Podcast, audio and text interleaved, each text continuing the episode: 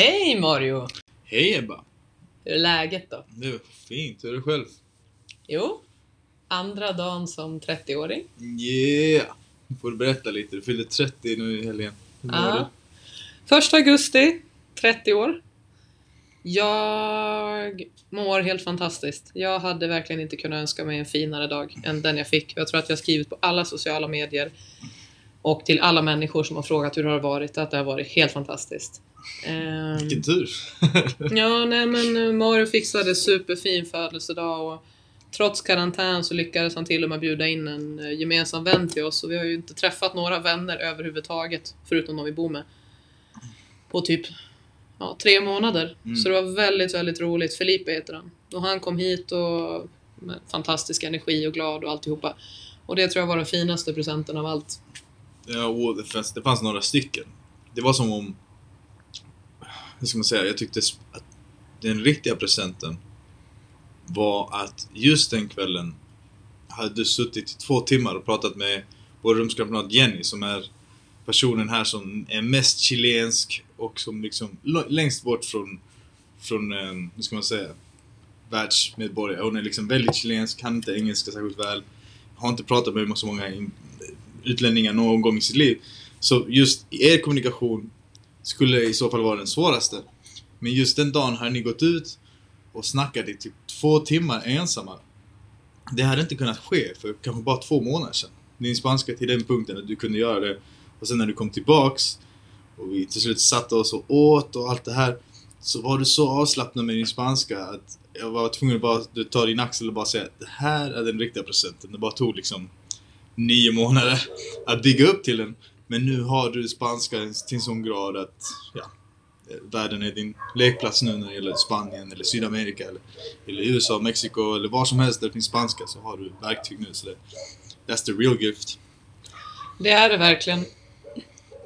Och det som jag pratade med någon för någon, någon dag sedan så sa jag det att ja, det är klart jag fattar att det var nog min födelsedag när alla var här. Det är klart jag fattar att jag har alltid förstått att ja, men hela Sydamerika pratar spanska med undantag från Brasilien och franska Nya Guinea. Men resten pratar spanska. Jag har ju vetat det rationellt, men när det gick upp för mig när vi var i Argentina Ja. att så här, nu är vi ett helt annat land igen och jag fattar vad de säger. Mm. Och det där tror jag är den största gåvan och jag tyckte det var så roligt det du förklarade med Jenny. För du sa lite, din metafor, ja men det är som att du har klarat sista bossen Ja. på ett spel. Och jag skrattade skitmycket åt det där för det är verkligen så det har varit. För att Och hen- Jen, Jenny är en väldigt rar, ljushårig, fin tjej som bara liksom som en liten, som en liten gumma. Ja, hon är jätte, jätterar men hon, hon har...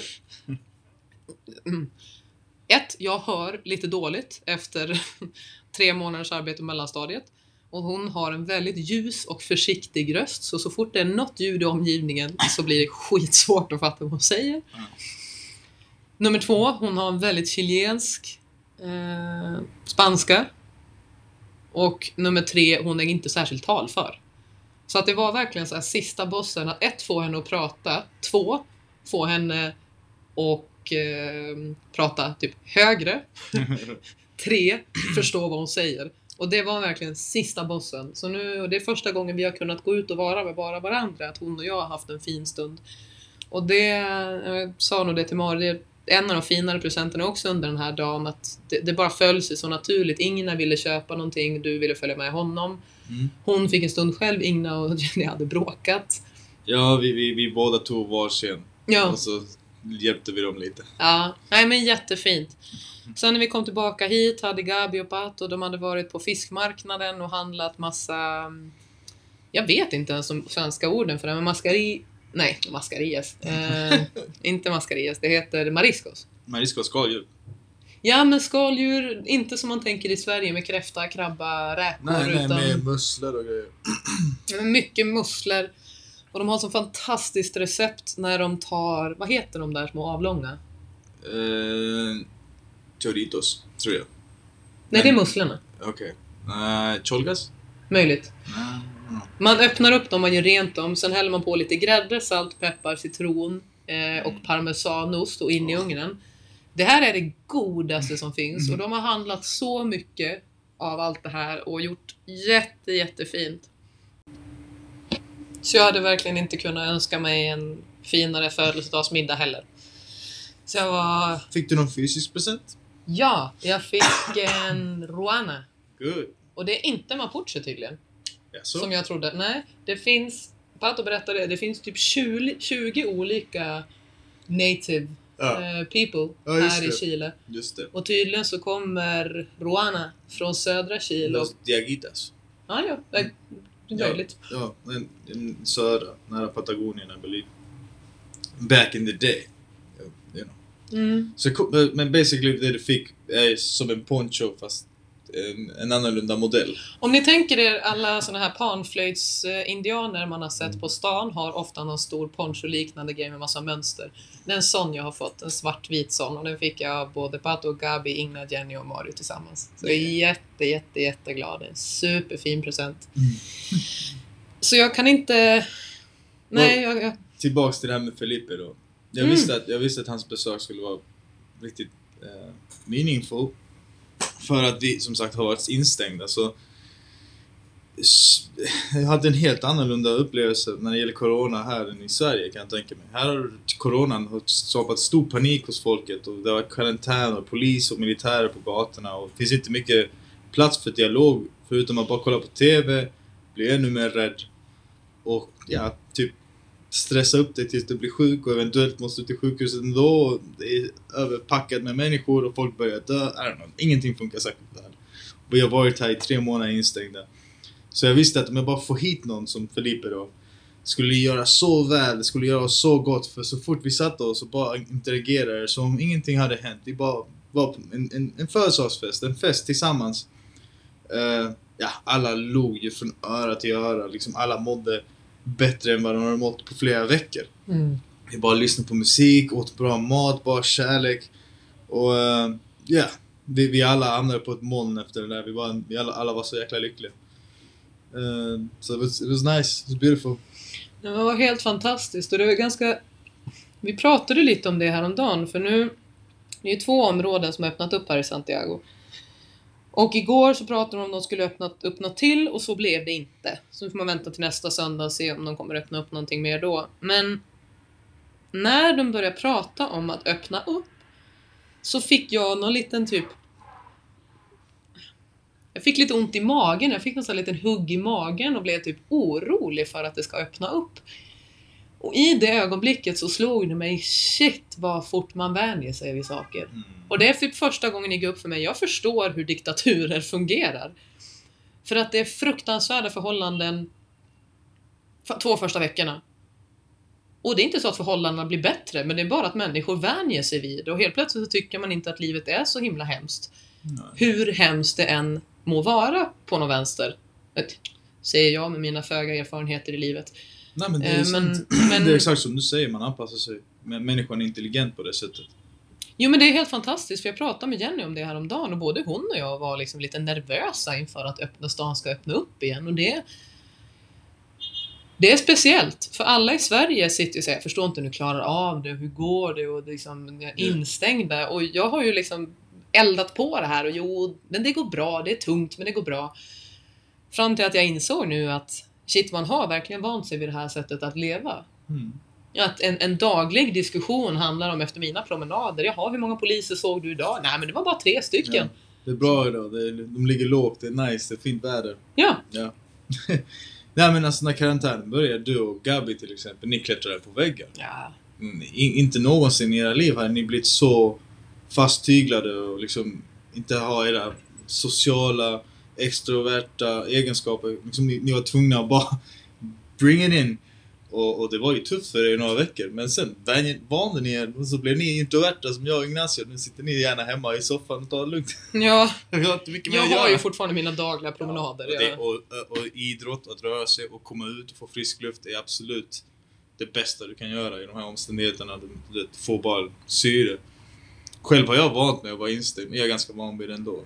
Ja. Sen jag är barn. Så, så det, är, det här är ganska naturligt för mig. Men man blir ju faktiskt van vid det och eftersom att du inte kommer ut, du blir inte utmanad. Om ens går på tunnelbanan. Du bara sitter i din lilla bubbla och det, det är lika giftigt. Det, du, du blir... Du kan klippa av dina vingar på sätt och vis. Om du inte tar vara på din tid här. i mitt fall så har jag suttit insnöad med mitt projekt i, ja, försöker jobba ungefär fem timmar per dag. Eh, fast det blir per natt, för det är den enda gången jag kan, för, ja, alla ligger och sover. Så jag kan sitta uppe och göra det då. Eh, men Inklusive jag. Ja, ja, ja, ja men alltså jag, det här projektet eh, med dropshipping som jag talade om förra avsnittet eh, börjar ta mer och mer form men det krävs många timmar och lära sig massa grejer. Jag är inte särskilt eh, van vid att använda datorn. Ehm, när jag växte upp så var datorerna för de vuxna, man hade sitt företag så jag fick inte riktigt röra datorerna, fick inte leka, fick inte... Och sen när man hade en dator, I don't know, det var väl för, för universitetet och chatta och så vidare så nu börjar man lära sig använda det som ett verktyg och det är, det är intressant, det är kul, det är stimulerande men väldigt tidskrävande och kan vara väldigt frustrerande och, och stressigt när man när det, när det klaschar med allt annat man måste göra. Som till exempel vara en, en bra pojkvän till exempel. Vad säger du? Jag tycker du gör det jättebra.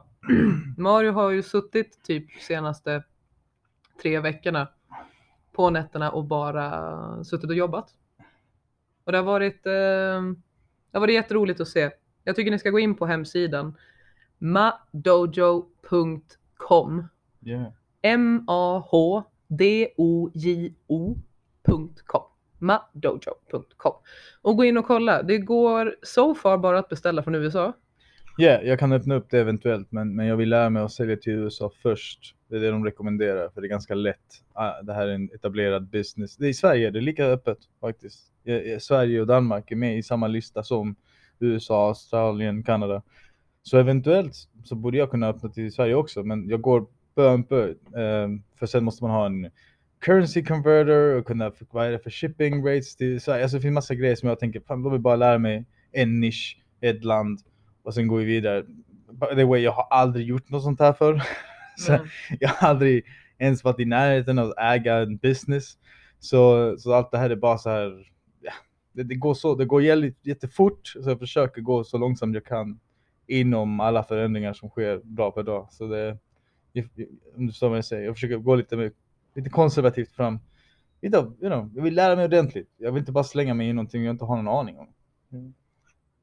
Nej, men du har ju också börjat från scratch. Du har ju inte kunnat någonting om datorer innan alternativ dropshipping eller överhuvudtaget ens vetat vad det är för någonting. I guess. Utan du har ju bara satt igång från början nu och ja, men, eh, hittat de här Youtube-videorna. Eh, och det här jag tycker är så jäkla coolt med utbildning idag. Att eh, du kan verkligen utbilda dig genom att titta på andra människor hur de gör. Och det är så lättillgängligt. Mm. Allting finns på Youtube eller på TikTok eller på någon annan av de här plattformarna. Så att, jag vet inte. Det är, det är sjukt häftigt det där. Jag sa till Ignacio igår, vi snackade i bilen och sa alltså idag, ignorans är typ en livsstil. det är ett val du gör. För det, det, för det är nästan, det blir nästan som en sorts sjukdom i slutändan också. Man måste bota det via utbildning. Vi alla behöver mer utbildning. Eh, människorna behöver vara mer bildade. Så, you know, vi måste ha nya plattformar där alla förstår varandra bättre. Um, så ja, så det, jag, jag, vän- det jag ville komma med allt det här är väl att vi bor i fantastiska, vi lever i fantastiska tider där, där man kan lära sig vad som helst. Um, vi alla kan vara en renässansman eller renässanskvinna. Nu, nu är det inte, vi alla kan vara det. Vi kan alla vara en da Vinci. Om man ska överdriva lite. Jo men på sätt och vis, för det här pratade ju vi häromdagen om. Jag sa det som är så roligt att vara med dig är att du alltid är så himla optimistisk och alltså ser så ljust på framtiden. Och där du sa att ja men vadå i framtiden eller liksom inom en snar framtid kommer folk kunna prata 6, 7, 8 språk. Och jag tänkte direkt, ja, här, återigen, oj, nu är du optimistisk. Men när jag börjar tänka på hur lätt det är idag att lära sig ett nytt språk kontra för bara 30 år sedan, 20 år sedan. Alltså, typ mer eller mindre hela den spanskan jag har läst, lärt mig har ju varit genom nätet, genom filmer, genom samtal. Inte genom böcker. Nej. Vilket var det enda sättet att tillskanska sig ett nytt språk tidigare om man inte var i det landet där de pratade det. Nej. Så det där har varit skitintressant. och, Um, ja, nej men att helt plötsligt blev världen så mycket mer lättillgänglig. Mm. Oh man. Fan vilken känsla. Du, får- du, du äggar mig, jag måste börja plugga franska och italienska. jag måste fixa det här, jag börjar bli lite avis. Nej men det är verkligen jätteroligt med språket och jag, jag har tänkt på det nu senaste. Men jag tror att det hände någonting på dagen jag fyllde 30. Det var sista bossen, två timmar Mm. med Jenny. Och hur jag var liksom inne i spanskan sen under kvällen. Och det, det har varit så roligt för att lära sig det här språket, att lära sig ett nytt språk, det har haft så många milstolpar. Mm. Alltså det första att bara förstå, kunna plocka ut några enstaka ord. Men så har jag haft lite olika milstolpar. Jag tror att den senaste milstolpen var när spanskan blev ett språk och inte ett ljud. Oh. Ja, nej men du vet att när man går på stan och det inte bara är ljud runt omkring en utan jag hör samtal. Ord och meningar. Och Ja, men fraser. meningar, fraser, ord, sammanhang. Jag kan gå Mm. förbi personer och veta vad de pratar om. Och bara genom att överhöra dem, inte att aktivt koncentrera mig och lyssna, vad säger de nu? Utan överhöra och det där var en milstolpe för mig att ah, shit, det blev plötsligt ett språk och inte bara ljud. Och nu senaste milstolpen var min födelsedag för det kändes som att det släppte någonting med min rädsla för att det inte ska vara tillräckligt bra typ, utan jag Mm. kastade mig ut. Och att jag slutade översätta. Just det. Jag slutade översätta spanskan till svenska eller engelska. För det är typ det jag har gjort hittills när jag suttit och lyssnat, att jag i sammanhangen hela tiden översätter för att förstå. Men nu när jag bara flöt med så funkade det så mycket bättre. Ja, men de, de rekommenderar att man ska leka med språket. Man ska liksom, som barn lär sig. Man bara slänger ut saker och ting och sen blir man, man de korrigerar dig. Och så har du det. Och sen går man vidare. Liksom, jag vet inte, men det känns som att du behövde en tid och ditt ordförråd och din vana med språket. Men grejen är när du är avslappnad, det kommer fram en dialekt. Mm. Som låter nästan så centralamerikansk. För du pratar liksom med en, ja, jag vet inte, en svensk rytm kanske. Men det låter väldigt organiskt, inte nödvändigtvis chilenskt. Men, men det låter som det, det vore ditt språk. And that's awesome. Jag kommer ihåg första gången jag hörde dig säga en mening sådär. Jag bara what the fuck? Det där var ju spansktalande Ebba som pratade precis. Kommer du ihåg vilken det var? Nej, nej, det här var länge sedan. Det var väl någonting, det var i köket. Nej, jag skulle bara vilja ha ett glas mjölk eller något sånt där. Men Aha. du sa det så, da, da, da, da. Jag bara oh, man, nice. Det båda gott det här. Ja, alltså vi... Um, Den inspelningen vi håller på med nu är faktiskt... Vi har krånglat jättemycket i morse med att försöka få till ljudet, för nu spelar vi in från min dator. Så första fem minuterna är ett avsnitt, andra fem minuterna är ett avsnitt och det vi spelar in nu är ett till. Men vi har lyckats klippa ihop det förhoppningsvis bra. Men innan vi lyckades med det här så spelade vi in en liten fem minuter behind the scenes för att vi skulle testa mikrofonen och sen lät jag den bara vara på. Och jag tror att vi kommer göra ett litet avsnitt av det sen. För de som vill lyssna. Men det finns en sekvens, nu när jag lyssnade igenom det, med min dialekt, det är någon oerhörd blandning mellan olika dialekter. Det blev dalmål, Skelleftemål och Gällivaremål i samma mening. Ja. För det här är också jättelustigt nu när man, jag pratar ju bara svenska med dig och Mm. självklart mina liksom, familj och vänner och sådär. Men majoriteten av svenska jag pratar är med dig. Mm. Vilket gör ju att jag anammar lite din och du anammar lite min. Ja. Och jag hade ju redan sedan innan en ganska stökig svensk dialekt för den hoppar lite hit och dit. Mm. Och nu är det liksom ännu värre. Så att jag hör ju mig själv nu när jag pratar att vissa ord drar jag ut som du gör på typ Blekingedialekt och en annan. ja. Och det är det jag tror händer i spanskan också. Ja. För att bara knyta ihop det. Det är det jag menar. Att Sure. jag, eh, det blir någon liten halv mesyr av eh, dokumentärer när jag tittat på på Ah, tv och hört mexikanska och Men you know, spanska. Jag tycker det är jäkligt, jag tycker det är jäkligt charmigt ändå. Det blir som en blandning, ett språk, alltså en, en blandad dialekt. Så det blir lite kul för örat att försöka hänga med och försöka identifiera. Var, var kom det där ifrån? Liksom. Sen måste det ju vara förståeligt och helst ha en fin klang till det. Men, Ja. men, men det, det tycker jag att du har. Det är inga, inga konstigheter med din svenska. Jag tycker det är en vacker svenska. Ganska, och när du pratar proper så kan du sälja det. Du kan läsa nyheterna, du kan sälja, fan vet jag, din röst är den där quintessential unga feminina svenska rösten. Riktigt så, the classic. Det är därför det är så roligt att sitta och prata här med mig, någon jäkla kommunist-hippie vid andra sidan planeten. jag har henne för mig själv. Det har han. Men han trodde att det var bara jag som förändrades. Men nu sitter Mario och skapar ett eget företag och håller på att bli världens kapitalist och bara pratar om pengar. Så det är helt fantastiskt. Han har också förändrats. Det har jag. Det har jag. Jag är den första att erkänna att jag tycker att jag har varit lite blind hela mitt liv. Ehm, inte moraliskt. Jag tycker moral, men det, det, det, på båda sidan av sidan kan vi alla stå på hårda moralgrunder och kunna sova lugnt om nätterna. Så det gör mig inte värdigare heller. Men jag, kan, jag, kan, jag ångrar inte var jag stått. Men det jag ångrar är att, att jag behövde, liksom världen behövde haverera för att jag bara skulle doppa tån på andra sidan och inse att det finns en hel värld och kunskaper och, och informationen. Och det som gör mig kanske lite mer sorgsen och för alla som idealister, eh, ens talanger går till spillo. För när jag bara doppar tån i den här världen med talanger bara åh! Vilken värld? ja, den här serien är ju, nu menar jag jag går över till kapitalistsidan och tänker pengar, tänker företag, money, mig själv. Min diskurs börjar jag, innan var det vi. Nu är det, vad se vad jag kan göra för oss alla, men det börjar med mig. Mm. Så en liten annorlunda vision på det. Men jag insåg att jag bara, fan, nu förstår jag så mycket som jag har alltid, inte bara inte förstått utan fruktat. Mm. Bara deklarera? Nej, ska... Mario har gömt alla deklarationer under mattan senaste åren. Det var därför han flydde till Chile. Exakt, darling. Nej men jag menar liksom, jag, jag tror aldrig mitt namn skulle stå liksom på ett företag. Nu är det bara en hemsida. Men jag har betalat rättigheterna för att ha det här namnet. Så basically jag äger det under två års tid. Och det där är någonting som jag bara, okej nu. Eftersom att det är pandemi, hela världen upp och ner.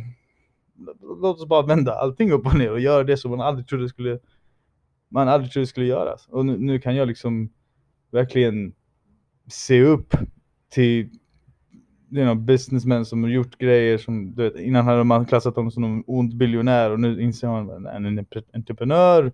Så det, det med Trump, jag kan se upp till Trump. Mm. Jag hade aldrig kunnat säga något sånt där för bara någon månad sedan. Men jag har lärt mig så pass mycket, jag kan se saker som jag inte kunde se innan och sen inser jag att lösningen är ju där. Att vi måste bara samarbeta och bara ha mer dis diskussioner, konversationer om hur vi buntar ihop våra talanger snarare än att på grund av att ni är så här och på grund av att ni är så där. Vad vill du säga? När du säger att du ser upp till Trump så vill jag bara flika in att inte som presidentrollen i sig, utan du ser upp till den prestationen han har gjort för att han har kommit dit han är. För säga vad man vill, det är en prestation. Ja, alltså det jag inser och det jag tycker är lite synd med på den här sidan är att det blir som ett spel alltihop. Livet blir som ett spel. Eh, smartaste, slugaste, mest drivna. Eh, du använder dina talanger och du anpassar dig. Och, du, du, och han säger det själv. Han säger när han var väldigt ung, när du kollar på en dokumentär med honom, han är väl kanske 20 någonting. Och redan börjar röra massa miljoner. Han bara, ja, vad jag ser är att livet är ungefär som ett spel, säger han. Eller något sånt där. Och så säger han, och, och den som har mest killer instinct, den som är villig att gå ännu längre, den vinner.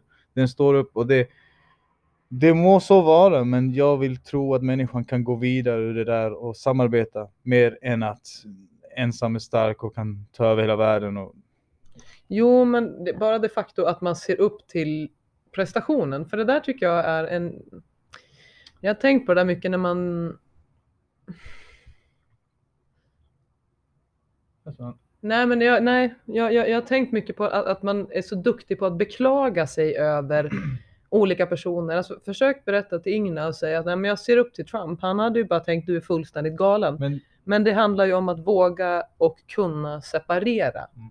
Saker. Mm. Att kunna se Trump, jag, jag skulle inte stödja honom politiskt, men jag måste också kunna se honom ur ett tredje perspektiv. Jag måste kunna se honom objektivt utan vad Ja. för vad jag tycker om hans politik. Och utifrån det så är en imponerande människa. Han har gjort säkerligen otroligt mycket fula grejer för att nå dit, men om målet är att bli herraväldet, toppen på herraväldet, Mm. då är han en människa värd att imponeras av. Alltså, nu, nu snackar vi om egenskaper som individen. Alltså, nu snackar vi inte om nyansen av vem den är som person. Eh, för jag, Trump, jag hade väldigt gärna bara velat ge honom ett knytnävsslag av ren princip. Och att hans peruk flyger i vädret. Det hade varit en bra bild. Men Men ni måste, det är som om man snackar om Michael Jackson. Om, snackar vi Michael Jackson, musikern, konstnären? Eller snackar vi Michael Jackson som möjligen, you know, pedofili och allt det här? Samma sak här, vad snackar jag om? Trump som person, hans moral, hans, nej, jag snackar om vad han åstadkommit. Han, han, han gjort såna, han spelat spelet. För let's be real, det är ett spel. Det är, vissa föds och, i vissa situationer och sen måste de anpassa sig och sen om du vill så blir du en Ku Klux Klan-ledare, eller multibiljonär eller whatever. Eller så trappar du ner det och sen, ja, allting. Vi, vi, många invandrare kan bli kriminella eller så blir de stadiga samhällsmedborgare. Det blir liksom så här, du väljer. Och i det sättet så menar jag att med de där personliga egenskaperna så har han kommit så jäkla långt. För den här dokumentären, det han gjorde på 80-talet var jätteimponerande. Och sen på 90-talet så bara byggde han på det. Och sen bara, så bara ser man det här, det här är som en jäkla Zeppelin alltså. Och sen han bara går rakt upp och sen helt plötsligt America's president. Alltså han har kommit dit. Han, han gör vad fan han vill. Det här är hans lekplats. Is what I'm saying. Fast det coola är ju också att det har inte bara varit en rak väg. Det gick ju att han blev ju skuldsatt upp till örsnibbarna. Och det är ju det här som nästan är det häftigaste. Han har liksom en enorm framgångssaga, ekonomisk framgångssaga, som sedan kraschar i Mm. fullständighet Mm. till att han därefter bygger upp det igen Mm. med falska eller riktiga medel. Mm.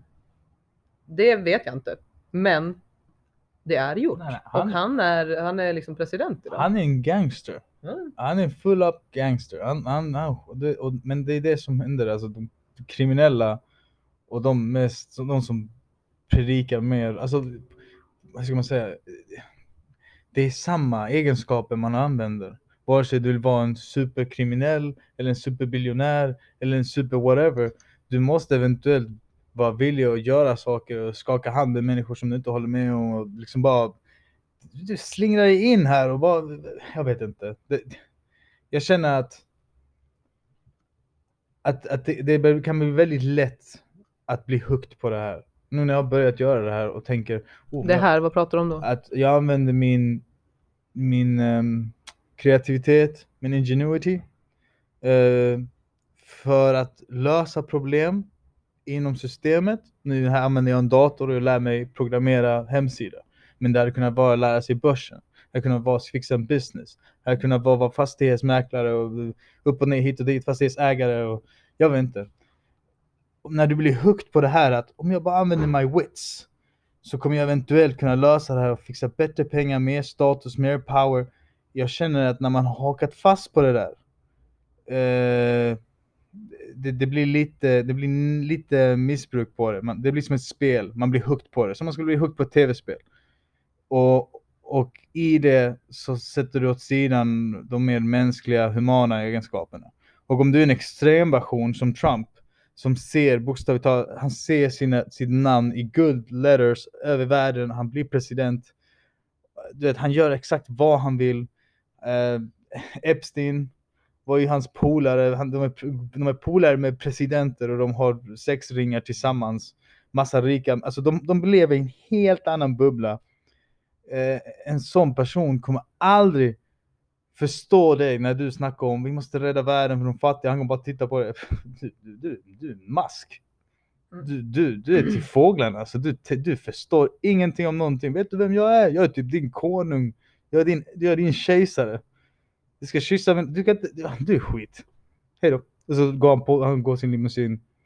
Och, jag menar, det, är därför jag inte ångrar jag har varit vänster hela mitt liv. Jag, jag kan se de här grejerna och sen nu säger jag okej, okay, men då så, då går jag över till den här sidan och låt mig visa vad man kan göra med, med, mina, med min erfarenhet, med mina kunskaper, med mina historier. Och låt mig gå in i den här världen och se vad vi kan skapa. Och sen, så tror jag varenda människa i världen måste göra lite sådär. Vi, om du har varit lite för höger, bli hippie. Om du var ett hippie, lär dig business. Och så kommer vi alla komma bra överens. Det är ju det där. Att inte vara så himla svartvit hela tiden utan att se nyanser och att vara nyanserad i allt. Jag kommer ihåg jag pratade med en kompis där vi diskuterade exakt och då sa han att jag, människor som är politiskt övertygade är aldrig människor jag litar på. Och det ligger någonting i det där för att har du en extrem politisk övertygelse då är du inte särskilt begåvad. För grejen är att det finns inga enkla lösningar. För hela den demokratiska idén är ju att alla röster ska kunna komma till tals. Men alla röster är ju olika. Mm. Och därför kan man inte heller förkasta en hel ideologi för då förkastar du en hel del av människorna. Alltså Mm. det, det blir bara befängt Mm. och ba, att vara liksom politiskt så övertygad. Mm. Mm. För då, då ser man inte hela Mm. bilden och jag, jag är verkligen beredd att hålla med där och jag, jag tror som du säger. Ja men har du alltid varit höger? Nej men titta över på andra sidan. Till exempel, jag satt och kollade på en dokumentär igår på Netflix som heter Rotten, alltså rutten på engelska. Eh, och där de pratar om Chile och vatten, privatägda vattnet.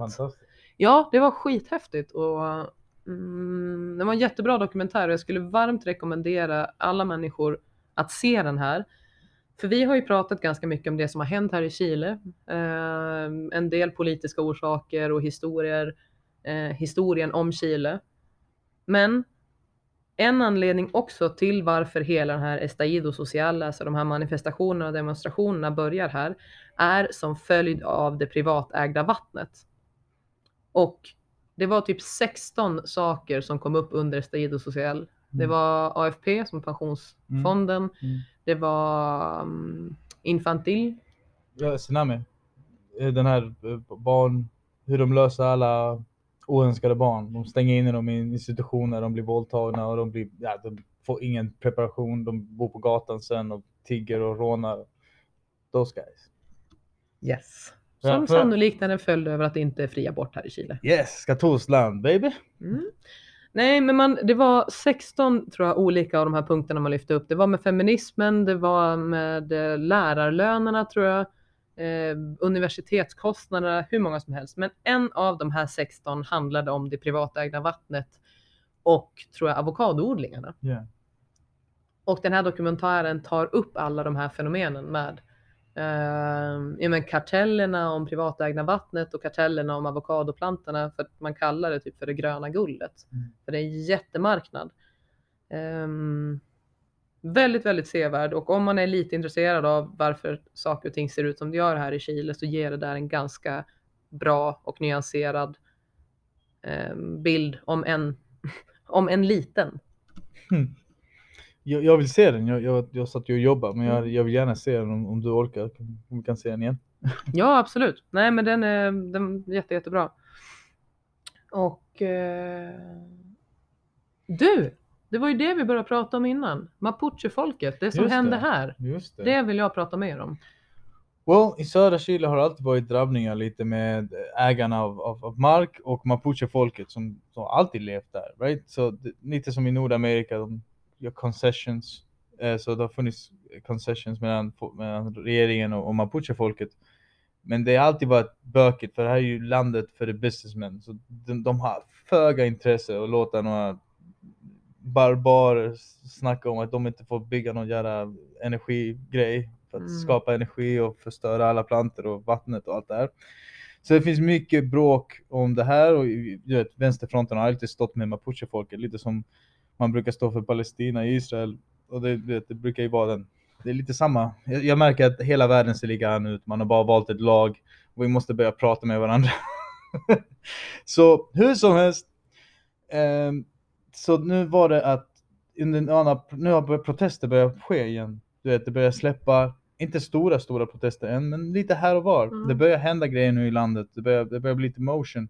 Det börjar bubbla lite. Det börjar bubbla. Eh, på, på nätterna så börjar de köra en cacerolazo här, ta, ta, ta, och, och det börjar höras. Och Ebba häromdagen satt sig där, inte bara gjorde väsen av sig, men hon började spela på balkongen, ja.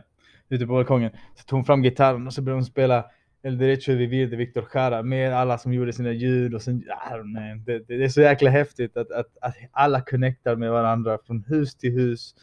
Och, och att du kommer och du vet, lägger till din, din lilla, din, alltså scenen blir så mycket bättre tack vare att du är här i Chile. Så det var, thank you for that. Men tillbaks till the issue. Eh, så Mapuches hade protesterat och typ tagit över någonting som ett, en byggnad för att, för att jag vet inte, jag har inte läst artikeln helt, men det jag vet är att sen kom massa, Det här var i södra Chile, Ja. bara för några dagar sedan va? typ igår eller förrgår, Ah, ja, okej. så kom det en grupp väldigt eh, motiverade nationalister och eh, tog tag i dem, slog skiten ur dem och brände ner stället typ.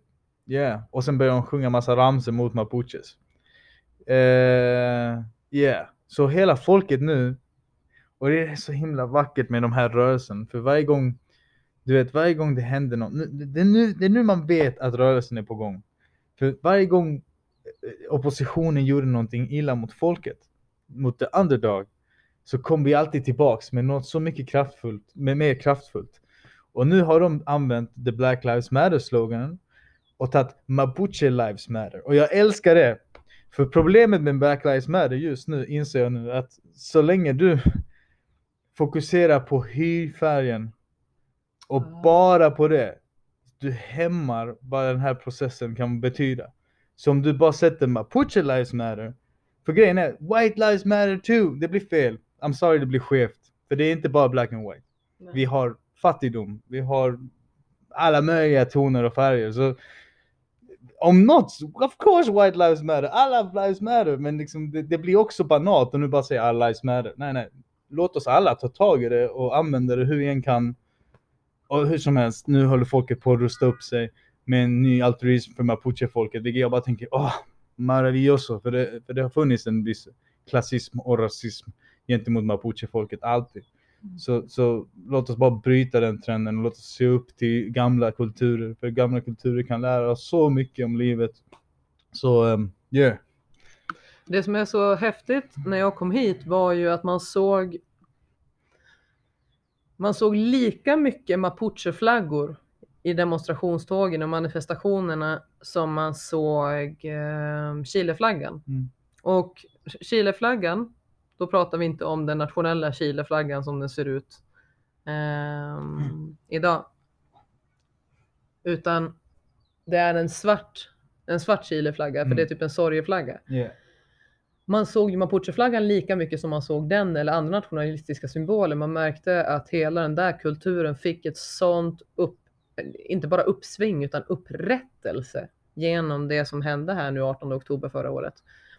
Att människor ställde sig upp för dem. Mm. Att nej, vi köper inte längre det här. För att året innan så var det ju en mapuche, mapucheman som blev skjuten Ja. for no reason. Va? Ja, ja. Man blev skjuten i ryggen. Det var en av de första fallen där, där polisen hade en poliskamera.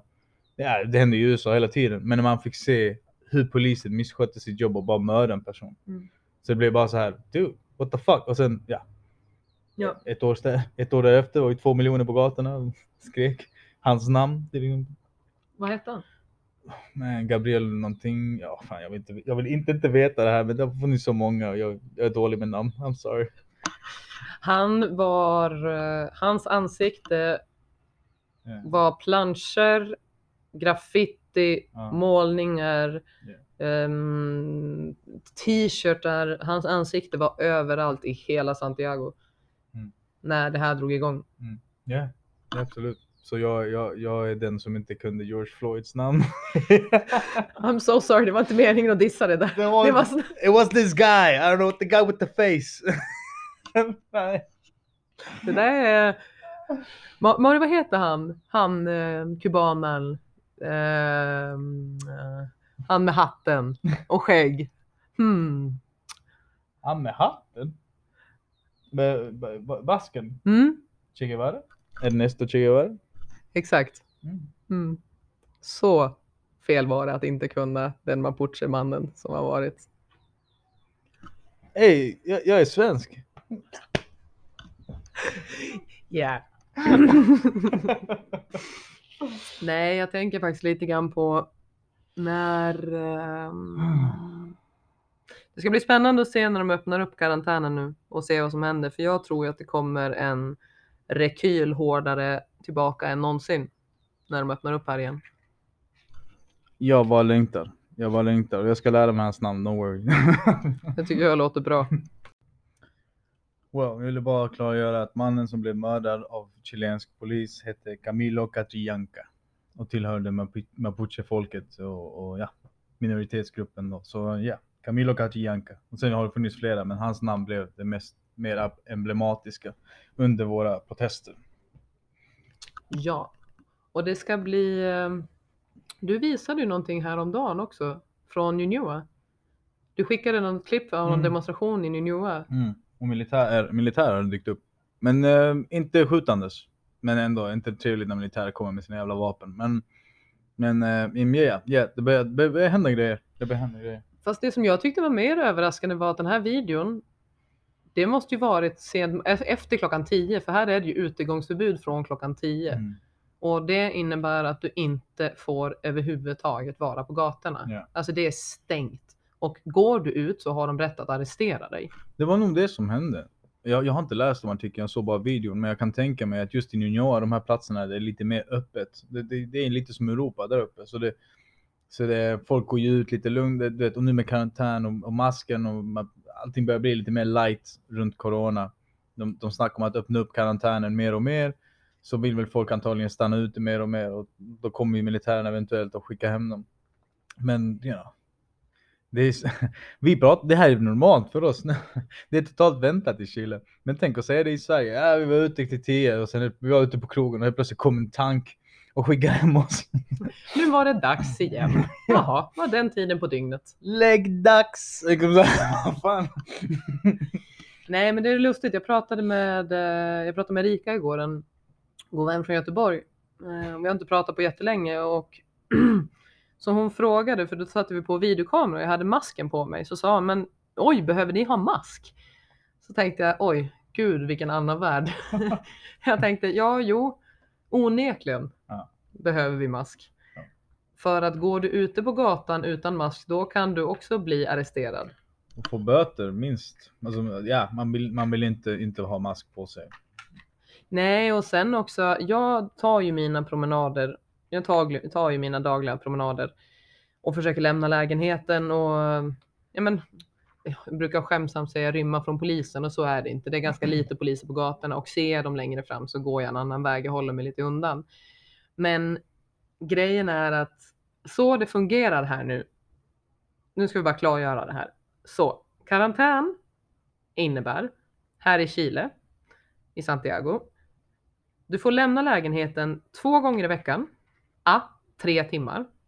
Och det heter ehm, Salva Conducto Och då skriver du var du bor, vem du är, var du kommer ifrån, hur gammal du är, vart du ska och vad du ska göra. Och sen skickar du in det och så då får du tillbaka ett bevis på att nu har jag ansökt om det här. Men om du till exempel behöver gå till banken och till mataffären, då måste du välja den ena eller den andra för att du kan bara ha ett salvoconducto för en plats. Så sex timmar totalt i veckan får du vara ute om du följer alla reglerna som man ska göra. Efter klockan 10 på kvällen så kan du heller inte ansöka om salvoconducto. Då är det stängt. Det är ungefär som att du sitter i fängelse. De låser dörren omkring dig och om du går utanför dörren så är det likadant som att en fängelse ehm, en person i fängelse skulle gå utanför dörren utanför sin cell efter liksom läggdags. Så gör du det så kan du riskera väldigt mycket. Mm. Och jag känner som att det är viktigt att ändå klargöra det här, för vissa personer jag pratat med som har frågat, jaha, är ni i karantän fortfarande? Jo, ja, det är ju karantän i Sverige också. För typ två månader sedan. Och då frågar jag, men karantän, hur tänker du då? Nej, men att man ska undvika att vara ute. Och tänkte jag, mm, det är ju inte riktigt samma sak här. Här Nej. blir du bötfälld, misshandlad. Om du def- definitivt om du är ute efter klockan 10. Right. Kanske inte just oss, vi bor i Provincia Ja, som är lite självklart. mer stadigt område. Men lägre, längre ner, absolut. Polis, ju längre ner du går, desto mer hänsynslös är polisen. längre ner i samhället, både geografiskt och eh, socialt och eh, ekonomiskt och sociokulturellt. Ja, men jag, jag tror det funkar lite så eh, överallt. Jag tror att eventuellt språket som förstås, den gemensamma nämnaren blir just våld. Ja, de måste komma in med sina vapen, banka ner dörren. jag vet inte, det finns någon konstig balans. Alltså man, om man bara kollar på hur människor agerar i samhället så ser man ju att det finns vissa människor som dia- har dialog, diplomati och så finns andra människor som skjuter varandra i ansiktet. Och eh, vi alla är människor. Det är bara sitsen vi är i som får oss att göra det ena eller det andra. Jag tycker det är så intressant. Jag har suttit och kollat på en Netflix-serie om typ the worst prisoners in the world. Och så är det en kille som åker runt i världen och bor på olika fängelser i en vecka. Och jag har gjort det mycket för att många av de fängelserna som man besöker är i Latinamerika, det vill säga ett jättebra sätt för mig att lära mig olika dialekter på spanska. Mm. Så jag har suttit med hörlurar i datorn och suttit med den inkopplad på tvn eh, och lyssnat mycket på de olika spanska dialekterna samtidigt som jag har sett den här serien.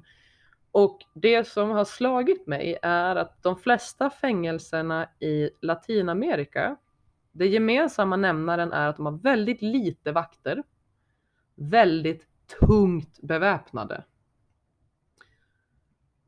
Till skillnad från andra ställen där de har väldigt mycket vakter och det där har ju många orsaker och liksom förklaringar. Dels är det väldigt osäkert. De flesta latinamerikanska fängelserna var väldigt många uppror. Det var väldigt farligt för vakterna att vara där. Men att det överhuvudtaget är möjligt att ha så få vakter utan att det blir upplopp typ varje dag. Det är, tror jag, kulturen av hierarkin Mm. i samhället, hur man ser på polis, hur man ser på militär. För det, här är man underkuvad på ett Mm. sätt som jag inte har. Jag har inte sett det innan. Det är klart det existerar, men jag har inte sett den här typen innan. Och det var det man märkte när eh, men corona bröt ut på riktigt på La Vega. Eh, Den här marknaden när vi gick dit, det var första gången jag kunde känna så här.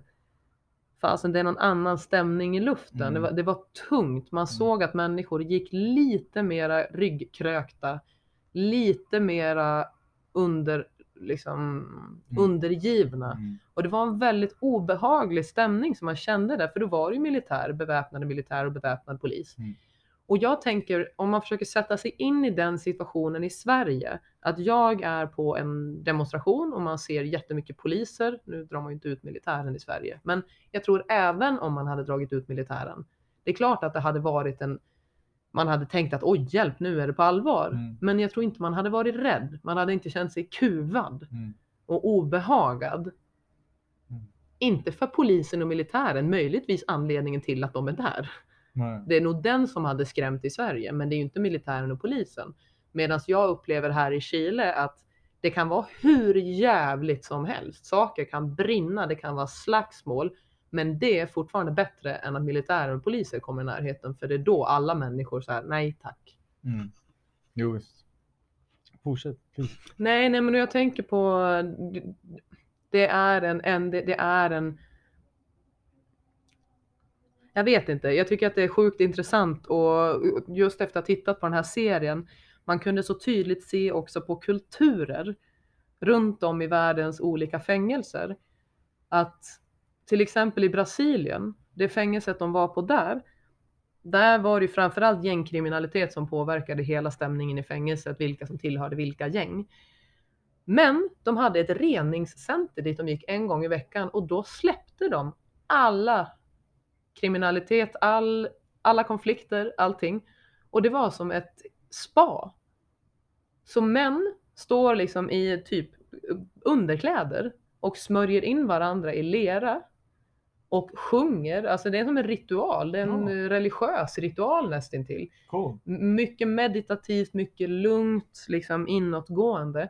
Och här står de här superkriminella, många av dem mördarna, massmördarna, med en liten skål med lera och smörjer in varandra och sjunger och slår ut de onda andarna ur varandra.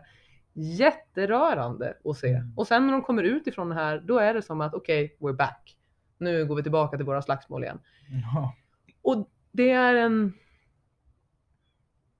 Det säger så mycket om kulturen i sig, vad man vördnar i landet, vad, Mm. man, eh, vad man betraktar i landet, vad man uppskattar och bejakar i landet. Mm. Och när man kom till något annat ställe i, eh, jag tror att de var i Nigeria, men någonstans i Afrika, låg det här fängelset och då berättar reporten som gör den här eh, dokumentären, han som lever på hotell eller på, på fängelset. Han sa att det här är första gången jag har varit med om att eh, fångarna tar egna initiativ. Att de behövde inte jobba, Mm. men de visste att om ingen jobbar, för de fick ingenting. Mm. De fick odla sin egen mat inne i fängelset. De fick eh, laga sin egen mat i fängelset. Och om ingen lagade mat, om ingen tog ansvar, då blev det ingen mat. Wow. Tänk Ja. sig. Ja, alltså det är ju fruktansvärda förhållanden och maten tog ju slut gång på gång och någon rodde ju åt sig mer och allt det här. Men det var ganska fascinerande att se att den här reporten var väldigt så här, oj, det här är första gången jag ser att fängelser tar sina egna initiativ. Mm. Och samma sak med, du vet, det, var- det var så märkligt för det här var ju livsfarliga människor allihopa, vilket regeringen visste.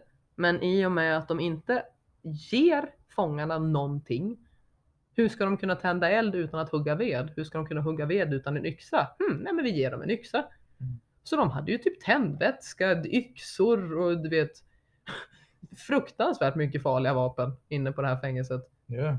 Men fortfarande att alla då hjälptes åt och så, men får ni några pengar för att göra det här? Får ni några pengar för att göra det här arbetet? Nej, jag har gjort det här riset i 14 år. Jag har kokat ris varje dag i 14 år. Ja. Och eh, jag vet inte, på något sätt så många av de som hamnar i fängelset, nu kanske jag är fördomsfull här, men det känns som att generellt sett är de på någon form av ytterkant av en existens, för annars så begår du inte brott. Mm. Alltså till exempel, ja, du har haft en väldigt trasslig uppväxt och du har haft väldigt dåliga förutsättningar. Riskerna ökar markant att du kommer någon gång ha med polisen eller rättsväsendet att göra. Och det är det jag menar att leva på en ytterkant. Du lever inte det livet som um, Ja, men du lever på en negativ ytterkant på ett eller annat sätt tror jag att de flesta människorna i fängelset gör det. Ja, alltså, statistiken talar ju också för den. Jag menar, du föds, om du till exempel i Sverige föds av immigranta föräldrar i Sverige, nu är du i den lilla kvoten av människor som har störst sannolikhet att begå brott. Min, min kvot. För du är, dina föräldrar är inte svenska, de kan inte språket, de är inte riktigt inne i det, beror det på såklart. Men låt oss säga så, så du har ditt hemspråk, fast du pratar inte särskilt mycket för du är svensk, så nu lär du dig svenska, men sen eventuellt lär du dig att du är immigrant eller du är från the hood, så du måste prata en dålig svenska som inte är tillräckligt bra. Så nu är det väldigt svårt att komma in i det här landet, även om du har fötts in i landet. Du föddes i Sverige, du ska vara svensk med alla dessa privilegier, men ändå så systematiskt sett, så statist och hur vi interagerar, så och kanske vilken genetik och vad du kommer att bä- att bära på, det också. Så, så det blir statistiskt sett, som du säger, en, en, en yttre spets. Ja. Och sen går det där, om du bara feed the fire så eventuellt blir du en tung kriminell och kommer dö väldigt ung. Jo, men det jag menar är att jag tror att de människorna som sitter i fängelset, säg bara ekonomiska brottslingar, det är ju också på en ytterspets. Alltså all, alla människor som sitter, jag, tänk, jag testpratar nu, jag vet inte om det här stämmer, men det är så jag tänker just nu i alla fall. Att alla personer som sitter i fängelse av en eller an, annan anledning är på negativ ytterspets. Och därför blir det sjukt intressant att se fängelser. För jag tror att det blir typ en, eller det, det blir en så här konstig mini, eh, det blir ett litet samhälle med bara det absoluta negativa ytterspetsarna i samhället. De ska ju egentligen inte vara på samma ställe. De ska vara utspridda. Men eller Ja, förstår du? Jag- ja, Alltså det måste ju bara, det måste bara, nej exakt, det måste ju liksom bara göda det här negativa. Hela konceptet av fängelse kanske är lite befängt. Man kanske borde hitta andra lösningar. Fast det var också i den här serien. Så går, åkte de till Norge. Där de har ju ett helt annat eh, fängelsesystem, fängelsesystem än typ resten av världen. Att där har de ju likt Sverige fast ännu mer utvecklat ehm, Vård vårdsystem. Yes. Eh, Vård före straff. Ja, men och att man inte tror jag säger straff utan man säger behandling. Nej. Och det där blir ju typ också en väldigt tydlig distinktion. Över, ska vi straffa dem eller ska vi behandla dem? Det vill säga att man tror på att det kommer kunna finnas en förändring. Och det intressanta här, jag vill inte, jag vill inte gå för långt bort här. Det handlar om samma sak, men det finns faktiskt en, ytter, en ytterkant som vi inte nämnt. Mm. Och det är white collar crime som kan betala sig eller lobba sig ur något möjligt straff. Du begår dina brott men du har så mycket pengar att du kan vara osynlig. Ge mig ett exempel. De här snubbarna som höll på att rå åt sig vattnet här. Det där är brott. Det, det, förstör människors liv, deras grödor, deras way of life. De, de bara gör vad som helst för att profit. Men de har så många biljoner att de kan göra vad de vill. Likaså Trump, det är så han fixade sina fastigheter i New York på typ 80-talet. Han hasslade massa familjeföretag och köpte ut och hit och hit och, eh, som en gangster. Så eh, det jag ville bara nämna det. För jag tror att lösningen är att vi alla, alla i fängelset, inklusive varenda galning, vi alla går tillsammans och säger, åh, vad som vi tittar upp dit på dem som, som inte får några straff, men som gör saker som är minst lika man kan ifrågasätta lika mycket. Ja, men som i fallet här i Chile, om man nu ska vara riktigt krass. Så så här, ja men vi sätter person, vi sätter mördare i fängelset. En person har burit en kniv, han har knivhuggit sin fru. Han hamnar i fängelse, han har mördat dem. Det är väldigt tydligt, ett plus ett är lika med två. Men här, de som du pratar om som roffar åt sig vattnet. När jag kollar på den här Rotten dokumentären igår. Alltså landsbyborna får inget vatten. Nej. De lever utan vatten. Och som den här farbrorn som hade haft en åkermark i hela sitt liv, den hade bara torkat ut nu. För det man gör är också att du gräver, alltså de här stora företagen har ju så enorma mycket pengar att de kan ju leda om vattenresurserna, vat- vattenkällorna. Så att de gräver upp och gräver tunnlar, tunnlar och gångar till sina marker från liksom, eh, reservvatten. Och det har ju resulterat i att då liksom majoriteten av de här småböndernas eh, grödor har ju dött ut. Mm. Och i extrema fallet, eh, förhoppningsvis så klarar sig väl de här familjerna, men i extremfallen där det är riktigt fattigt, i länder där det är väldigt fattigt, då dör ju de här människorna.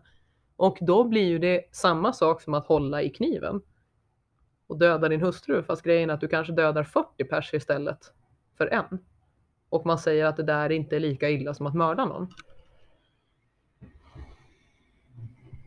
Hänger du med? Jo. Jo visst. Jag försökte översätta det till något kapitalisttänk. För att försöka förstå det på något vis. Hur och varför man gör det? Eller ja, hur han skulle kunna rättfärdiga de där ageranden. Jag försöker tänka på det viset. Jag ser, kanske man skulle säga, ja då kanske det är meningen att de inte skulle bo där. Det var inte anpassat för människor. Jag spelar såklart. Ja, jag, jag spelar djävulens advokat såklart, men nej, jag förstår. Nej, jag tycker det är intressant. Det är faktiskt en bra, det, det är bra att ställa sig den där frågan. Men ska jag vara helt ärlig så tror jag att människor, faktiskt en sak som jag och Jenny pratade under samtalet, det är hur viktigt det är att sätta gränser. Mm. Sätta gränser för sig själv och vilka gränser man inte får passera hos andra. Och så sa hon, mm, nej men då pratade vi om det, så sa du måste sätta gränser gentemot Igne. För jag tror att om inte man sätter några gränser så Mm. kommer alltid personen testa hur långt kan jag komma? Hur Mm. långt kan jag dra det här? Mm. Och det här är en väldigt ocharmig sanning, men det här har jag verkligen upptäckt hos mig själv också. Men människor som inte tydligt sätter liksom, gränser och ramar runt mig och i synnerhet relationer. Där kan jag bli väldigt så här, hmm, jag är ute och tassar, hur långt kan jag, hur långt kan jag Mm. komma? Inte kul, inte bra. Jag hade hemskt gärna ändrat på det. Eh, men jag tänker att min medvetenhet om att jag faktiskt gör det kanske är ett steg närmare att tänka på när det existerar. Och därför är ju du också väldigt bra, för du sätter tydliga gränser. Men det här har, vi har filosoferat mycket runt just det här. Och mm, varför, vill, varför pratar jag om allt det här? Jo, för jag tror att just när det kommer till ekonomi, om du inte sätter gränser för nej, det här är oetiskt, du kan inte göra det här. Om inte de gränserna är liksom tydliga, jag tror att är du, men då är i det här fallet kapitalisten, Joakim von Anka eller Krösus Sork eller vad du vill, så kommer man säga, hmm, hur mycket pengar kan jag tjäna innan det börjar svida för Mm. mycket? Typ i Sverige, men det är ganska tydligt var gränsen går innan det börjar svida. För att skatten blir så mycket högre. Mm. För varje liksom, tusenlapp du tjänar efter 30, efter 40, efter 50 000 så ökar skatterna. Och det är fortfarande värt att jobba, det är fortfarande värt att tjäna pengar, men du får inte ut lika mycket av det. Nej. Och jag tycker att det där är ett bra system. Många gnäller på att man inte kan bli rik i Sverige. Jag har själv varit en av dem. Men jag kan inte se det på det sättet längre, utan jag, jag tycker att systemet vi har i Sverige är väldigt bra. Det skapar mer likvärdighet och jag tror för samhället i stort framför allt. Om man nu är riktigt, riktigt egoistisk så tror jag fortfarande att man behöver ha de här höga skatterna. För det som jag tror att ett samhälle skulle resultera i med för stora klyftor är att det kommer, brottslighet kommer öka, segregation kommer öka, polariseringen kommer öka. Desto större klyftor du har i ett samhälle, desto mer jämlikt det är, desto mer alla människor känner att vi är en del av samma. vi är för alla ta del av den här kakan vi kallar Sverige, så tror jag att det kommer bli ett sundare och bättre samhälle. Och jag tror att därför behöver man sätta begränsningar. Ja, men som för en sån här krösus här i Chile då som snor allt vatten. Att det måste bli jättetydliga konsekvenser från statligt håll och säga liksom att det ska kosta dig miljarder att göra de här. Det är det böter ska ligga i. Men problemet är ju att här i Chile så är ju de här vattenägarpamparna bästa polare med regeringen så att de kommer ju aldrig göra någonting åt problemet. Mm. Och där är problemet korruption. Men jag tycker det är um, ja, det är roligt med de här podcastarna för just nu har jag bara suttit och testpratat. Jag har verkligen bara spunnit iväg min egna idé på vad jag tänker och tror och funderar över. Men jag tror som sagt att man behöver sätta begränsningar och det ska bli starka konsekvenser om du bryter mot dem. That was absolutely brilliant. Och du har, du, du har rätt. You know, det, det, det jag tycker är lite det jag tycker är lite så här otroligt med de här tiderna är att saker som min sida har trott på och skrikit om i flera, flera år. Ur, bara från en dag till en annan så blev det bara absolut, ja, så, ni har nog rätt. Och så, nu bor vi i en annan värld där folk börjar ringakta miljonärer och biljonärer såvida inte de fixar sin akt. Men vi har inte ens tittat åt deras håll. Vi har liksom, nu, nu, nu demoniserar man Trump för att, vet, för att han svindlar med Ryssland och vet, alla de här grejerna som sker bakom, bakom kulisserna som vi får aldrig reda på. Nu börjar folk få reda på det och börja förstå hur det sitter ihop. Yes, regering och de, de spelar bakom kulisserna, de gör vad fan de vill med oss. Epstein, en sexring och Bill Clinton är där och alla, alla, är in, alla, är inne, alla ligger med alla liksom. Social, the, the, the, Republicans with the Democrats. Och inte bara ligger med varandra, ligger med små barn. Sure. Men... Det är det typ hela den här dokumentären handlar om, att de, han, den här Epstein yeah. fick hem väldigt mycket unga, typ no. 12 till 16-åriga tjejer som han utnyttjade sexuellt. Ja, yeah, men grejen, grejen är så här, det där blir tyvärr bara en detalj i det stora hela. Om man inte, om man inte förstår det, att det finns folk som har enorm kraft. De är polare, de är i samma klubb och de styr saker som ett lands ekonomi, vare sig det är en militärkupp eller ej om folk kommer dö och bli torterade eller ej, om barn kommer bli beväpnade och mörda sina föräldrar för att sedan fortsätta kriga i flera år. Och de är i sin lilla klubb. Och de knullar småbarn. Men det jag gör mig för jävla förbannad är att de har sin lilla klubb.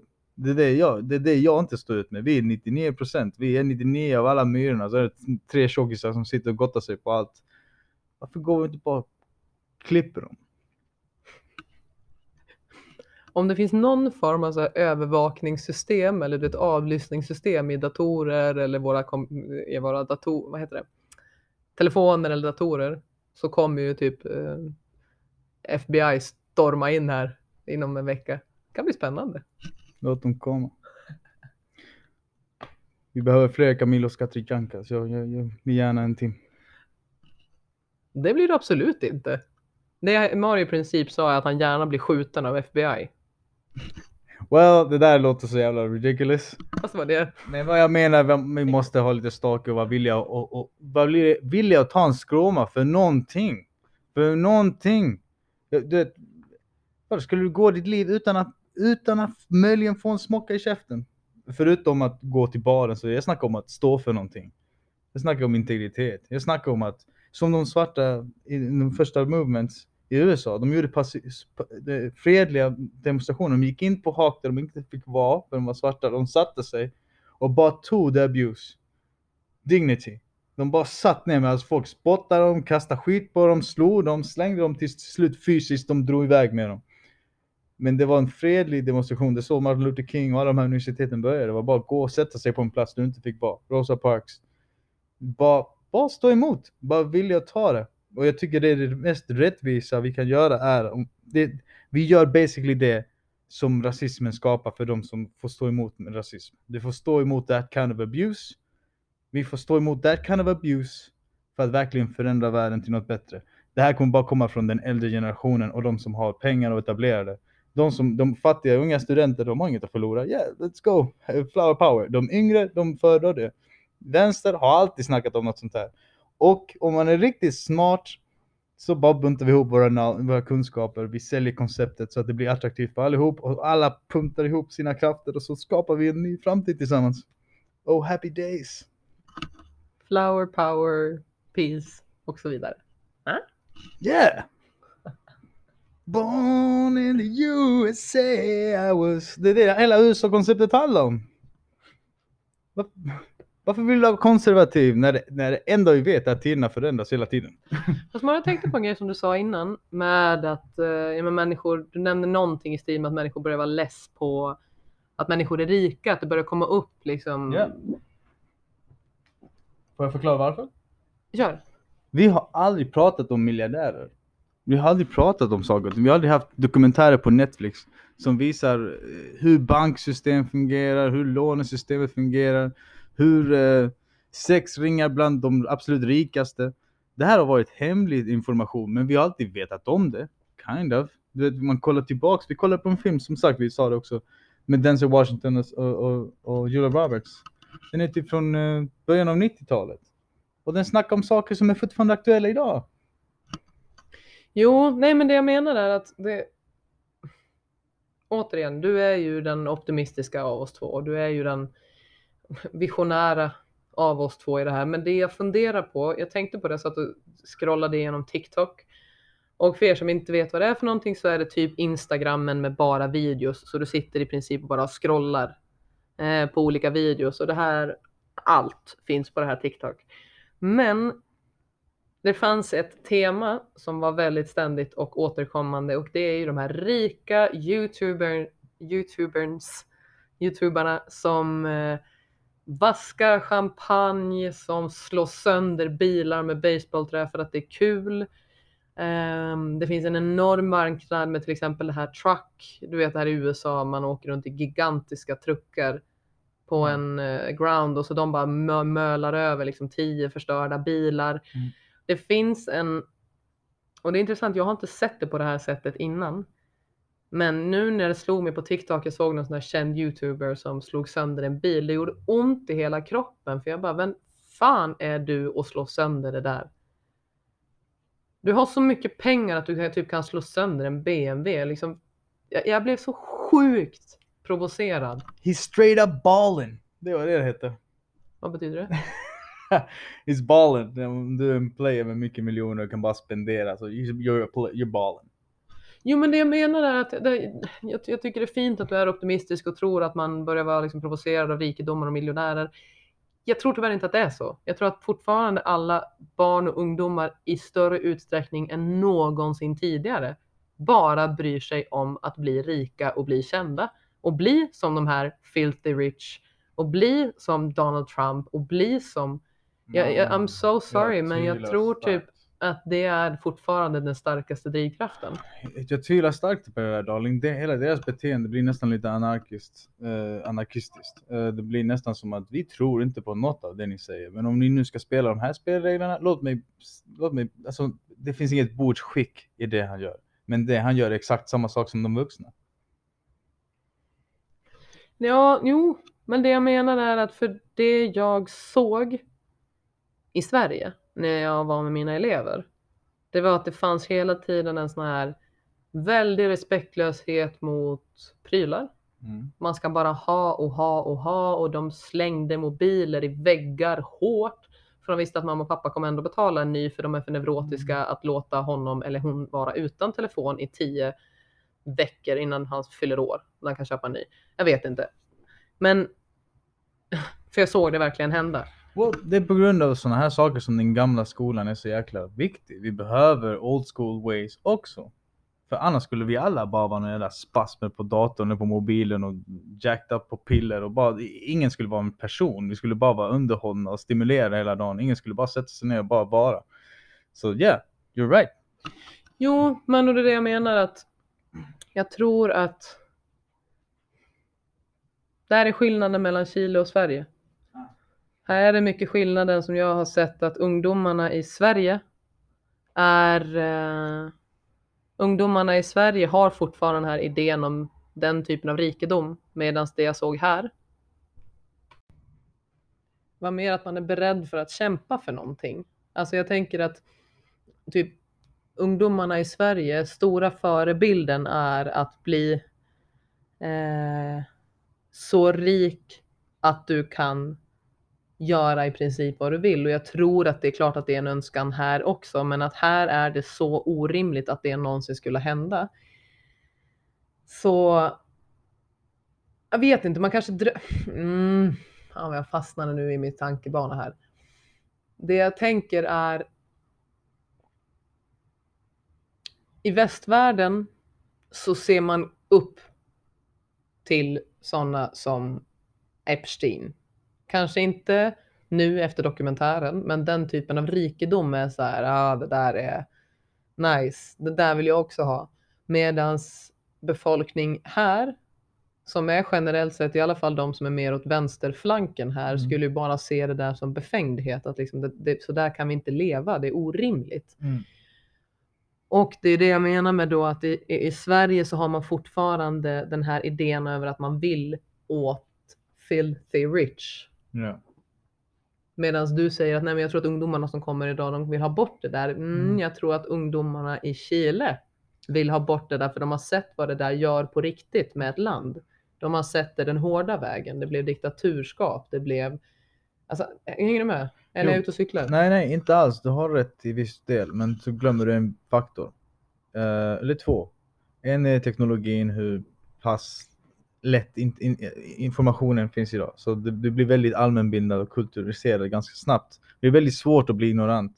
Speciellt ungdomarna idag. De får så mycket input. Och de, kan, du vet, de vet exakt hur man ska nå informationen. Så jag tror ungdomarna kommer väldigt lätt att, att, att lära sig det de måste lära sig. För Fast de kommer ju inte vilja lära sig. Mm, de har inget val. Det, informationen är för lättillgänglig. Det blir för attraktivt. Blir... Jo, men det jag menar att de kommer ju, de, de liksom, vad, vad har det med det här Filthy Rich och chilenare att göra? Jag kommer till det också. För, för, för, för det är en, en av faktorerna till varför världen kommer förändras. Den andra faktorn är Kan förändras. kommer att förändras. Den andra faktorn är planeten. Och där måste jag tyvärr svara med, ja, vi har våra ungdomar som ger allt, men i Sverige har vi en Greta Thunberg som gör en, nyheter över hela världen för, för en sak. Och hon, med, med väldigt eloquent så förklarar hon vad ungdomarna känner gentemot den här världen. Och det blir ett, ett kollektivt missnöje med teknologin där alla bara, har inte du också med om det här? Boom, så har du miljoner. Alltså det jag sa till farsan igår när vi snackade om att han snackade om att, att, att det enda han pratade om hur regeringen skulle lösa saker och ting. Och jag sa, well, du vet, och när du har två miljoner på gatorna, det blir ju som ett instantant, alltså det blir som ett direkt referendum. Det blir inte ens en diskussion. Människorna bara står tillsammans och säger, vi vill inte ha det här, vi vill ha det här, vi vill inte göra det här, gör det här bättre. Så regeringen kan sitta och diskutera dagen, men om folket står upp och bankar utanför dörren, det får politikerna röra sig i en takt som de aldrig skulle ha gjort om man bara hade låtit regeringen vara. det, det är ett väldigt effektivt verktyg för att få saker eh, att börja rulla. Förhoppningsvis för något bättre. Och, och det, det var så häftigt för ja, Sverige, Chile var ganska- lite i förfronten här just den här perioden, för vi höll på sedan oktober. Hela världen blev vänd upp och ner sedan oktober. Men sen kom pandemin och nu börjar, polit, nu börjar länder att snacka med varandra på sätt som de inte gjort på flera år. De börjar liksom, ja och ni då? Och så, du vet så här.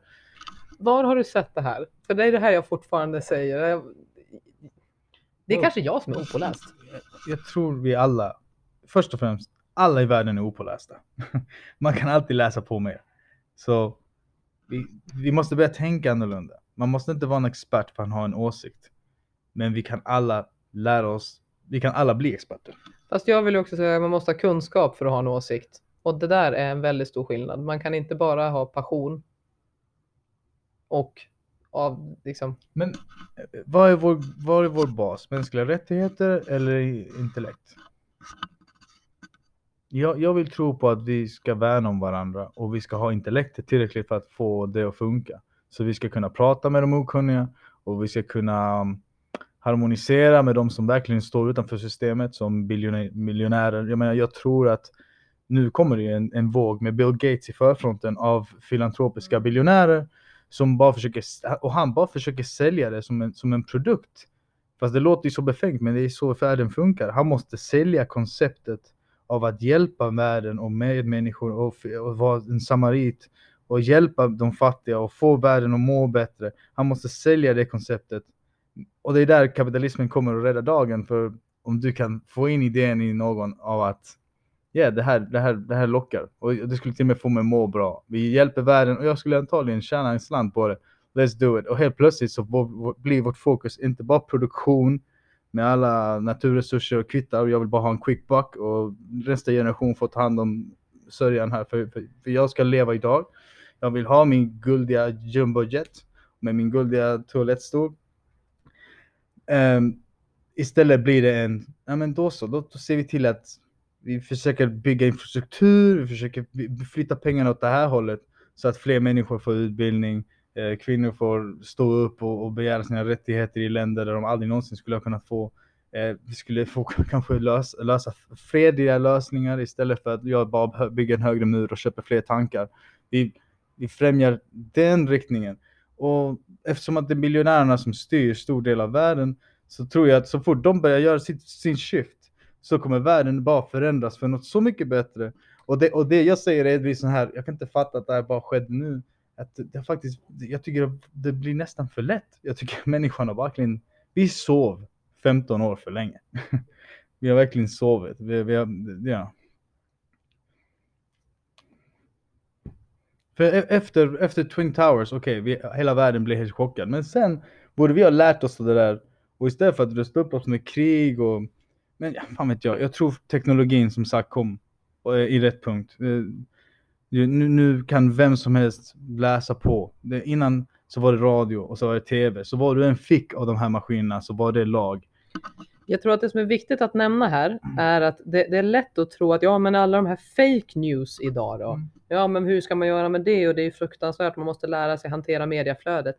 Alltså grejen är att det har vi alltid behövt göra. Det är bara att vi inte har fattat att vi behövt göra det. För det är ju någon som har suttit och skrivit den där tidningen som har haft en politisk åskådning, som har haft en idé om hur verkligheten fungerar och utifrån det så skriver han eller hon sin artikel eller sin bok eller vad du vill.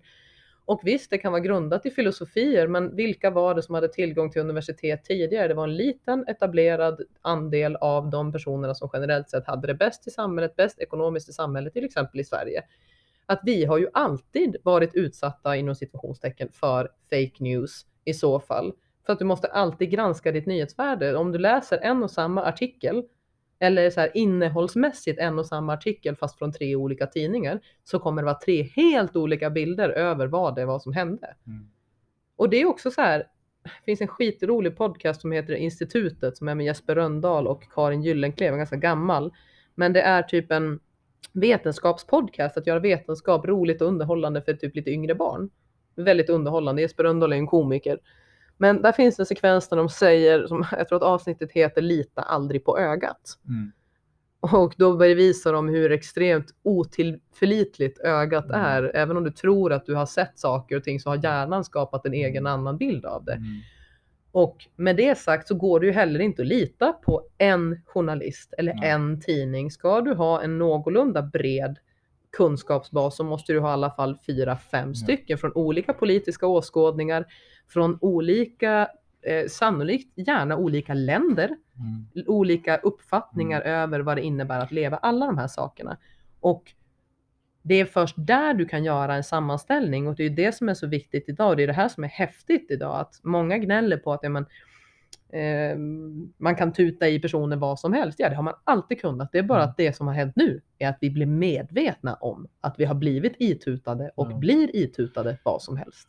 Ja, och speciellt idag journalistiken är eh, journalistiken har ju lidit. Nu är det bara clickbait. Så det, det, det är bara sensations headlines och man ska bara klicka sig fram och, och så du blir ju inte riktigt informerad. Så jag tror det är ett stort ansvar vi måste ta är att man, man måste börja filtra och, och, se vad är det för media jag konsumerar. Eh, Likaså som när du är en fotgängare på gatan. Du har också ett ansvar om det kommer bilar. Du kan inte bara gå var som helst för att du inte är i bilen och om du blir påkörd av bilen så du, det är synd om dig och inte bilen. Det här är samma sak. Du måste börja ta ansvar för var man får sin information. Och sen, men det som är så himla vackert med det här är att du vet, man kan inte lita på sig själv heller. Mm. Om du är ensam och du tror du har alla lösningar, du har alla svar, antagligen så har du jättefel. ja, ja, ja. Så, så vi behöver prata med varandra och bli utmanade av varandra. Bara så kommer svaret. Vetenskapliga metoden. Ehm, och, det, och det är det som tycker är så vackert med den här tiden, för nu är vi mer connectade än någonsin. Det är den riktiga globaliseringen. Eh, liksom det är det som håller på att hända nu. Människor från alla möjliga hörn och kanter börjar prata med varandra och bli vänner med varandra. Som de aldrig någonsin hade kunnat prata med varandra innan. Alltså jag hoppas att du har rätt och återigen här så ser ju du det ut ett världsligt perspektiv. Det- Men kollar man runt om, för, för jag är inte övertygad om det där. Det jag tycker är lite läskigt i dagens samhälle, också runt om i västvärlden i synnerhet, det är den, alltså, det finns ett speciellt sätt att prata. Nej, fortsätt please. Vad tänker du? Nej, jag bara tänker att, att det är just det som är så himla vackert med allt det här. För världen kommer lära västvärlden någonting. Och västvärlden kommer få lyfta hatten och bara säga okej, vi, vi, vi, vi, vi kanske, vi, vi var lite disträ. I'm sorry för mycket Netflix, eh, mycket klubbmusik, trap music. Eh, I don't know, jag, hade- jag hade en Ferrari mannen. Fan, vad fan ska man säga? Nej. Ja, det där tycker jag är fint. Dit jag var på väg. Eh, var... Sorry, jag är ledsen. Du frågade mig vad det var. eh, Ja. Men eh, men vänta nu, vad var det vi pratade om? Vad var det du just sa? jag sa att västvärlden kommer få lära sig en läxa. Tack, där var vi. Det jag menade är att eh, i väst idag så är det ett väldigt litet rum där du får prata. Mm. Ett väldigt, väldigt litet rum. Inte högt i tak.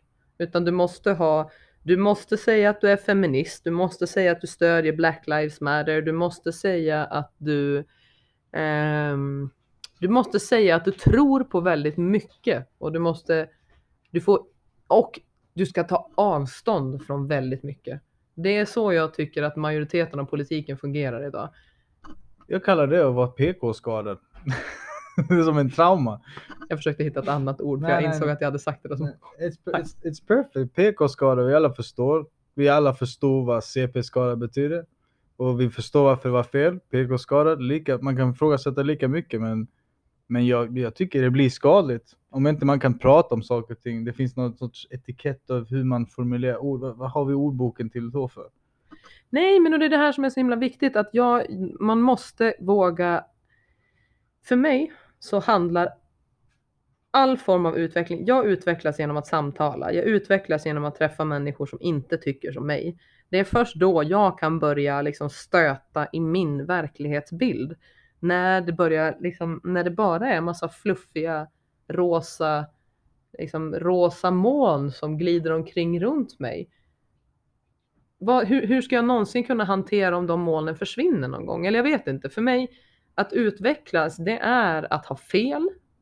Det är att behöva ändra sig. Det är om att be om ursäkt. Det är att våga släppa idéer och våga släppa sina egna sanningar. Och vara prestigelös. Mm. Ja. Det är för mig att utvecklas. Och man måste, och det är tungt. Jag är ganska envis av naturen och jag tycker inte om att ha fel, men därför är det ännu viktigare att verkligen lyssna på vad människan säger.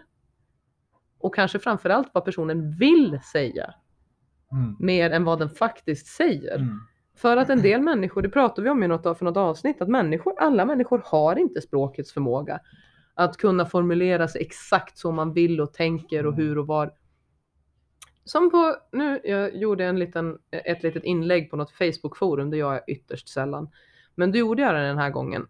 Eh, och kommentarsfältet nedanför, jag- det, det slog mig lite grann att det var någon äldre farbror, men definitivt svenskklingande namn, alltså typ Anders Svensson. Den svenskheten i namnet. Nej. Ehm, 65-70 år, som inte alls kunde stava. Mm. Och då tänkte jag på det, eller vad kan han ha varit? Jo men någonstans där. Sannolikt så kommer väl han från ett ställe där, men han har väl inte gått klart mer än till Nej. grundskolan. Alltså upp till sexan misstänkligen. Och han kanske inte behövde det sen. Sen fick han något jobb där han bara använde händerna hela dagen Ja. och man snackar fotboll. Och det har varit hans existens. Ja, nej men och det jag menar är att en sån person, att sitta och näbba mot en sån person att Mm. ja men eh, ja men den här personen är ju så rasistisk och han har ju fel och han har ju hit, han har ju dit. Nej, är det verkligen så? Lyssna på vad personen vill ha sagt. För jag tror att väldigt många gånger så snubblar man bort själva konversationen i ordbajseri. Mm. Alltså man, man liksom, eh, det ska vara så fint och korrekt och prydligt och propert att man tappar bort kontexten. Nu sitter Mario och ler jättemycket här och det han vill säga är bara desperto, I guess. Bara skönt att höra att min teori var lite sann. Jo, absolut. Nej men så här har jag nog faktiskt alltid tyckt. Att det, det, det, det stör mig att man ska försök vara godvilligt tolkande. Ja, Prec- ja, men precis på samma sätt som pappa var ju så kass när jag var liten på när jag ville plugga matte, eller plugg, ville. När jag hade hemläxa i matematik och jag satte mig och behövde hjälp. Och det enda man fick höra var, nej men kan du inte det här? Ja men då hade jag ju inte frågat. Nej. Alltså hade jag kunnat så hade vi inte suttit här. Varför ska du poängtera det för mig? Right. Och jag tror att det där är en dålig pedagogik och på samma sätt med det här. Alltså, Någon lärdom drog du av det. Du blev ju inte utmanad och tuffade till dig lite som du. Han utmanade dig där. jag hatade matte och blev underkänd på gymnasiet. Ja, det var inte bra pedagogik. Sen hjälpte Kalle mig, storebror. Han fick, hjälpte mig att fixa mina betyg. Och det var för att han inte var lika, och skitsamma, det handlar inte om det. Det jag menar med allt det här är att man kan inte sitta till en person som, ett, inte en, en invandrare i Sverige Ja. som har en åsikt åt ett eller annat håll. Man kan inte sitta och eh, fnysa åt den människan att hm, ja, fast det där ordet eller liksom börja peta i rullstolsburen, rullstolsbunden till exempel. Att det är ju så sjukt viktigt att man använder rätt, korrekt, rätt term i Sverige just nu. Och det jag menar är, du ger ju typ ingen någon chans som inte är superutbildad akademisk, är med i direkta svängarna. Visst finns det en elitism där, absolut. Och akademia brukar vara elitistisk och det är ett stort misstag. Det finns så mycket man vet och som inte vet. Alltså om man gör det rätt så borde man inse att ju mer kunskap du kan, desto mindre kan du. Så du, vilken hög häst är det du snackar om? Det är ingenting. Du är en sekund i, i världens historia, om ens det. Du är liksom... Vem fan tror du du är? Att- Att snacka för alla rullstolsbundna? Vad fan? Hade jag varit rullstolsbunden, jag hade bara fuck ah, ja, det är jag som sitter i rullstol. Låt, vad fan har ni att säga om något om mig? Fan? Låt mig fan bara leva. Rullstolsburen. I don't give a fuck, det är jag som sitter på stolen. But you don't. Fattar du nu vad jag menar? Det är ju det här som blir så himla konstigt. För att om en person som är på väg mot Nej, ett okej. fint samtalsämne, Men, men och blir stannad på vägen. Det är ju det här jag menar, det fyller inget syfte. nej. Skit i vad personen säger, lyssna efter vad den menar, lyssna på kontexten. Jag älskar den här frasen som du sa, banal godhet. Ann Heberlein, en bok som hon skrev för 2017. Nej, så Banal godhet alltså. alltså Okej, låt personen i fråga försvara sig själv om den vill ha rullstolsburen eller bunden. Men vem, vilka är vi för att prata om alla de här sakerna? Det blir så befängt. Vad har, vi, har vi inte lärt oss någonting av historien? Det är det, det som jag tycker är så, det är så fjuttigt. Så, att se Sverige eh, gå in i att alla är rygglagslösa och inte våga prata om saker och ting. Vad händer med, vad händer med alla stränga, stränga svenska föräldrar? Fan? Vad hände med den attityden? Var är alla arga svenskar? Vad är de som skrämmer dig? När de får de där jävla the veins som poppar i deras hals och blir helt skyröda i ansiktet och de där blåa ögonen som spärrar in i dig. Var är alla dem? Vad fan är alla dem? Jag blir arg! Jag blir arg! Och i Sveriges vägnar. Så jävla patetiskt. Och jag är vänster by the way, feminist. Så. Eh, ja, I'm- lost. ska vi ta, ska vi bryta det här? Vi har grejer vi måste göra idag. Det har vi faktiskt. Vad ska vi göra idag? Uh, well, jag ska diska, I think. Och sen ska jag, vi ska ner och träna lite försvars jujitsu. Och sen boxning. Och senare jobba. Just det, tre dagar senare. Vi får se om jag följer med på träningen. Det beror på lite. Men tack för idag Mario. Det här är nog det spretigaste, mest osammanhängande samtalet vi har haft tror jag. Men you know what? Fan, det är bara att hänga med och bara ta det för vad det är. You know? Det är exakt det det är. Det är bara ett samtal mellan mig och Mario. Så här låter det för det mesta mellan mig och honom när vi går in i någonting. Det är högt och lågt, både ljudnivåsmässigt och eh, intellektuellt. Och eh, totalt dumt också ibland. Men det är det jag menar, det är högt och lågt. Ja, ja. Både intellektuellt och ljudmässigt. Badabam, bam, bam, bam. Love you babe. Love you babe. Och vi försöker spela in snart igen tror jag. Ja, absolut. Ciao! Ciao everybody.